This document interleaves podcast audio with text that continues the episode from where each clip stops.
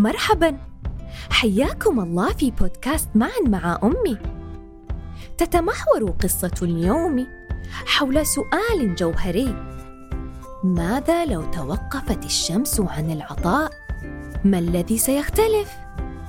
هل نحن فعلا بحاجة إلى الشمس؟ لنستمع ونعرف سويا ما الذي يمكن أن يحدث.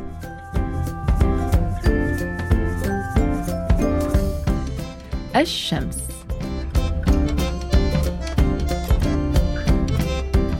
ماذا لو أصبحنا يوما لم نجد الشمس تعطينا؟ لو لم تعطي لنا نورا يهدينا. لم تكن الرؤية بالإمكان ولنشرت مملكة الظلمة رايتها في كل مكان. هل كان سيمكننا رؤية ألوان؟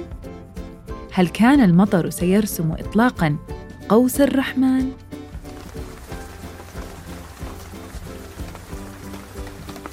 ماذا لو لم نجد الشمس تعطينا؟ هل كانت توجد أمطار؟ لو أن الشمس قد منعت لمس أشعتها للماء ما صعد سحاب لسماء؟ هل كان الماء ليتحرك لولا الشمس من أقصى شمال لجنوب من بحر حتى الصحراء؟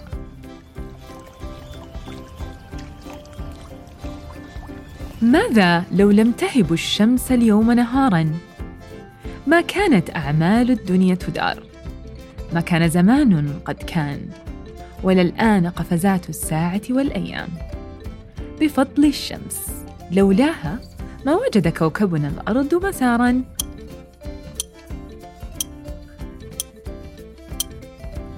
ماذا لو لم يشرق نور الشمس على الأزهار؟ من ساب من الفرع للأوراق خضار. ما أثمر نبت في الأرض. هل تتخيل شكل الدنيا دون نبات؟ أشجار وحشائش وثمار.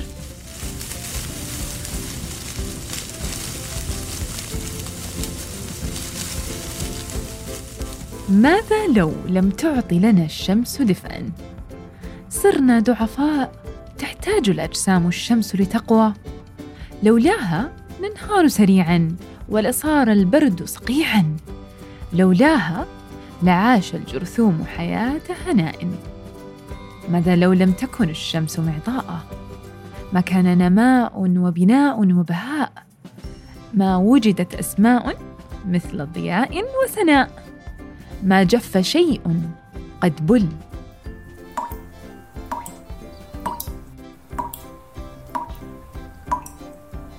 ما كان الظل سيصبح ظلا. ما كان القمر سيبدو جميلا. ما كان ليقدر أن يظهر وينير الليل. حمدا لله أن أعطانا الشمس وأن جعل الشمس معطاءه.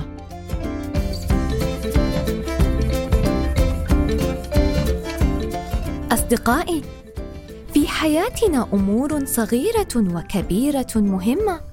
قد نظن أنها لا تأثير لها في حياتنا. ما رأيكم في أن نذكر شيئا منها لماما أو بابا بعد قصة وقت النوم ونحمد الله عليها؟ أخيرا وبعد سماعكم للقصة هيا فلنحضن أنفسنا ونردد سويا. أنا مهم. أنا معطاء. أنا ممتن. أحب نفسي. وفخور بها. أنا قارئ اليوم. أنا قائد الغد. شكرا لحسن استماعكم. دمتم في أمان الله.